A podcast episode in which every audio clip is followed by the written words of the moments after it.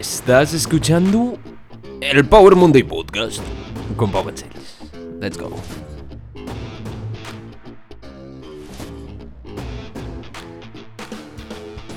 Bienvenidos al Power Monday Podcast, soy Pau, apasionado de fitness, motivación y ciencia.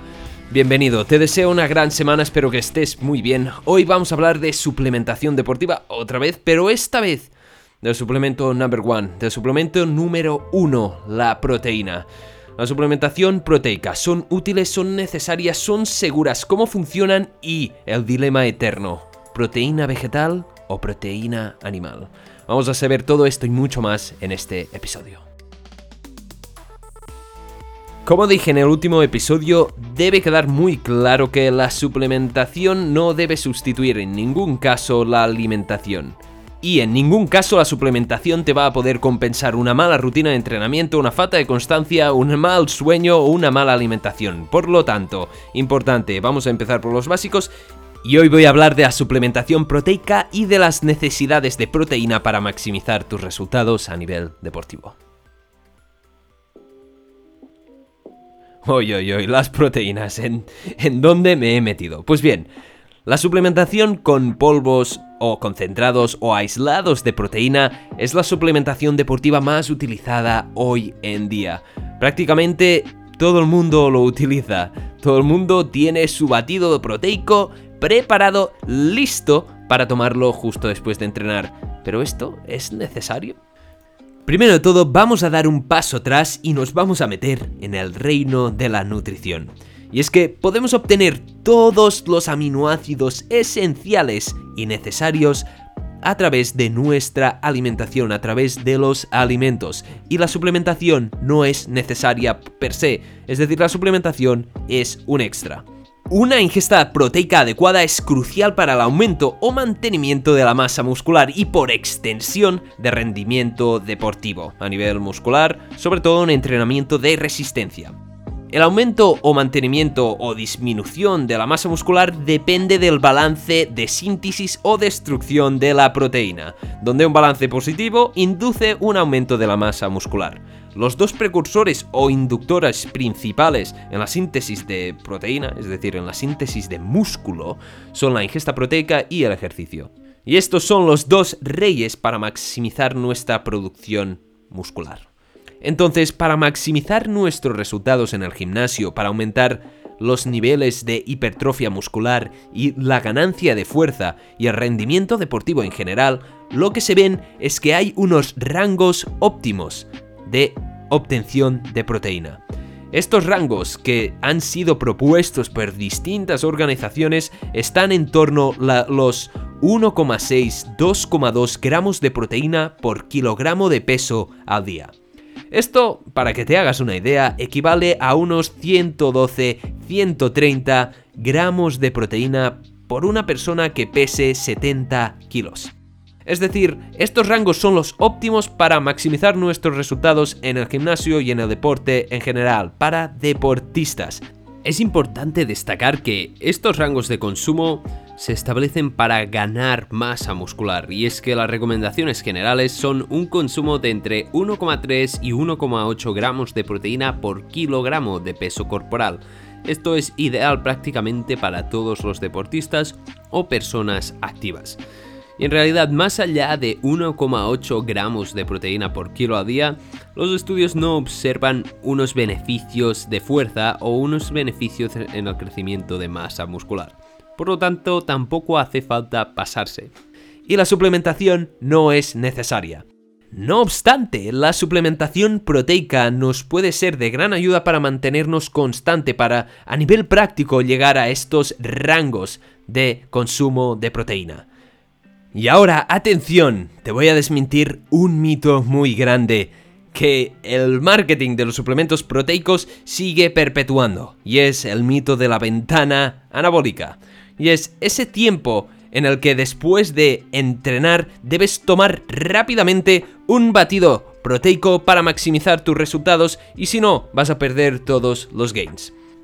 Este hecho es simplemente falso. Sí que eh, se puede observar un efecto agudo en la suplementación proteica, pero es negligible cuando lo comparamos con la importancia que tiene tomar proteína suficiente y mantenernos en estos rangos o tomar proteína de forma constante, unos 0,4 gramos de proteína por kilogramo de peso en cada comida para llegar a estos niveles de 1,6 o 2,2. Por lo tanto, la ventana anabólica no existe y lo que ven los estudios es que esta ventana anabólica serían más bien de 4 a 6 horas después y antes de entrenar. Por lo tanto, tomar proteína suficiente de forma constante. La ventana anabólica, amigo mío, es una mentira, un hijo del marketing o una cosa negligible a la que damos demasiada importancia y pensamos que con un quick fix, con tomar 20 gramos de proteína post-entreno, podremos compensar nuestra falta de constancia, nutrición adecuada y dormir de forma adecuada. Dicho esto, después de tirar fire a la suplementación proteica, voy a decir que la suplementación proteica tiene su uso y es muy práctica para llegar a estos niveles, a estos rangos en la vida que llevamos hoy y nos puede facilitar de forma segura y de forma saludable obtener estos rangos de proteína. Aún así, deberíamos priorizar la nutrición frente a la suplementación. Y ahora voy a comparar, me voy a meter en el lío de la proteína animal versus la proteína vegetal.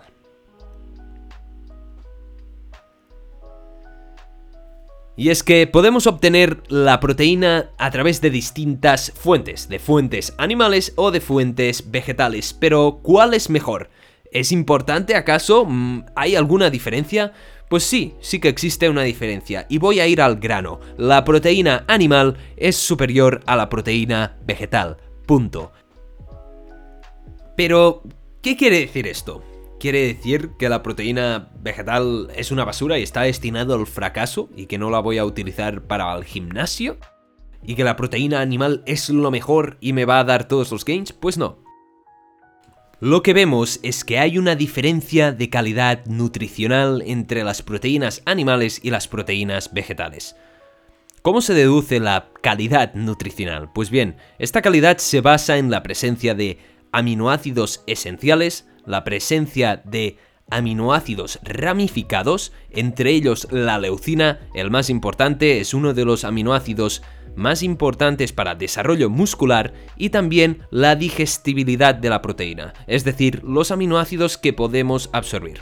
Entonces, las proteínas animales son superiores en estos rangos aunque son inferiores en otros, porque no llevan fibra y no llevan otros componentes como fitronutrientes que nos puedan beneficiar y otros micronutrientes esenciales como vitaminas que también pueden ser beneficiosos para nuestra salud. Dicho esto, la proteína vegetal puede ser fuente de aminoácidos esenciales y podemos conseguir todos los aminoácidos esenciales a través de la proteína vegetal y podemos obtener los mismos resultados que a través de la proteína animal. Lo que le importa a tu cuerpo, lo que le importa a tu músculo son los nutrientes. Son los nutrientes. La información que necesita son estos nutrientes y también lo que es relevante es los nutrientes que absorbes, es decir, los nutrientes que son capaces de llegar a tu músculo, por decirlo así. Entonces, lo que ven los estudios es que la proteína animal y la proteína vegetal pueden ser iguales cuando se equiparan en cuanto a contenido y absorción. Me explico.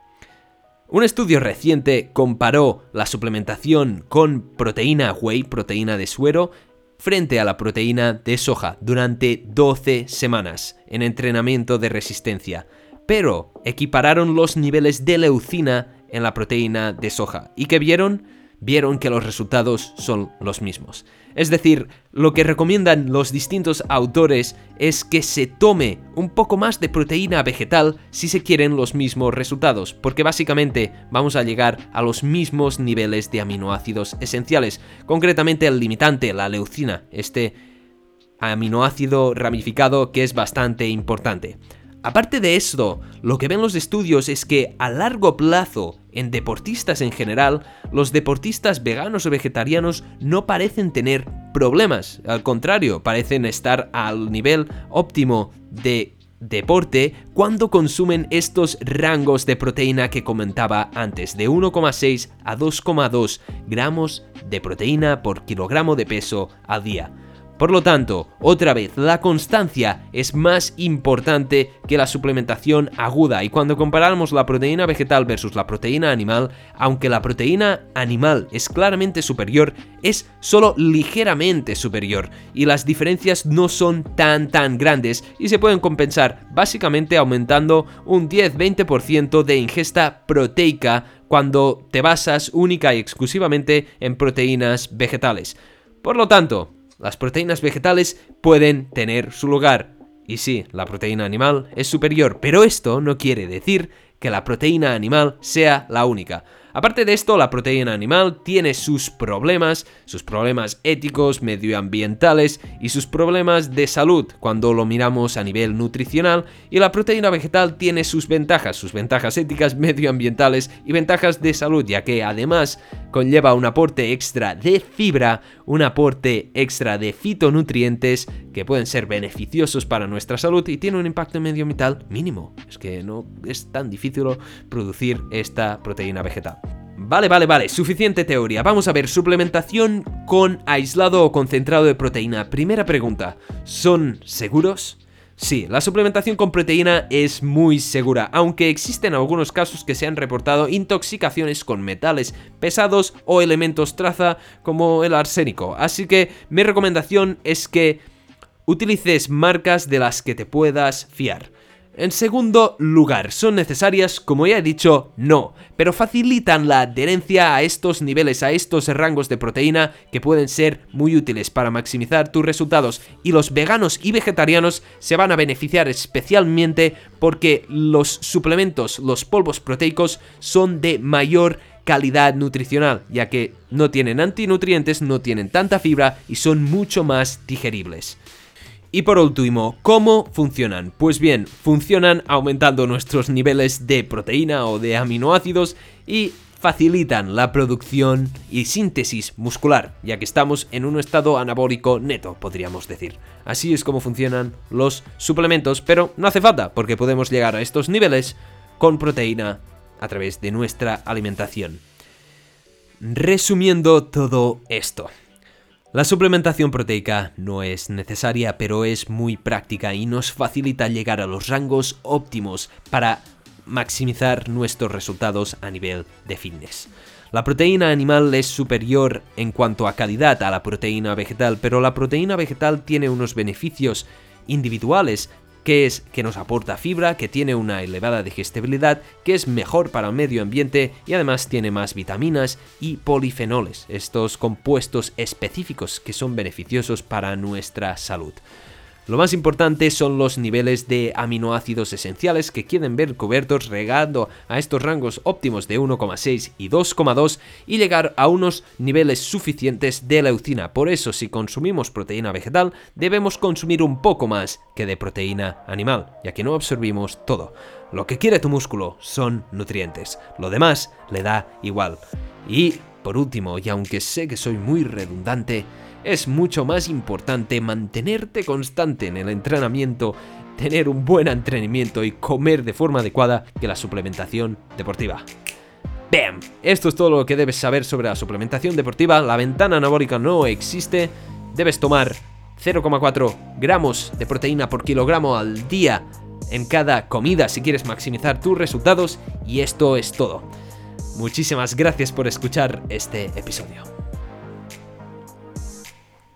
Muchísimas gracias por haber escuchado este episodio. Recuerda, si te ha gustado, por favor, compártelo, déjale algún me gusta, ponme un follow, compárteme en las redes, envíame un mensaje, haz lo que puedas o lo que quieras, te lo voy a agradecer muchísimo. Cualquier duda, cualquier información, cualquier estudio, si quieres alguna recomendación de suplemento, estoy aquí para ello. Recuerda que la suplementación deportiva no es la base, pero es una herramienta increíble y muy curiosa. Muchísimas gracias por escuchar este episodio, te deseo una grandísima semana llena de crecimiento personal. Nos vemos en el próximo episodio. Chao.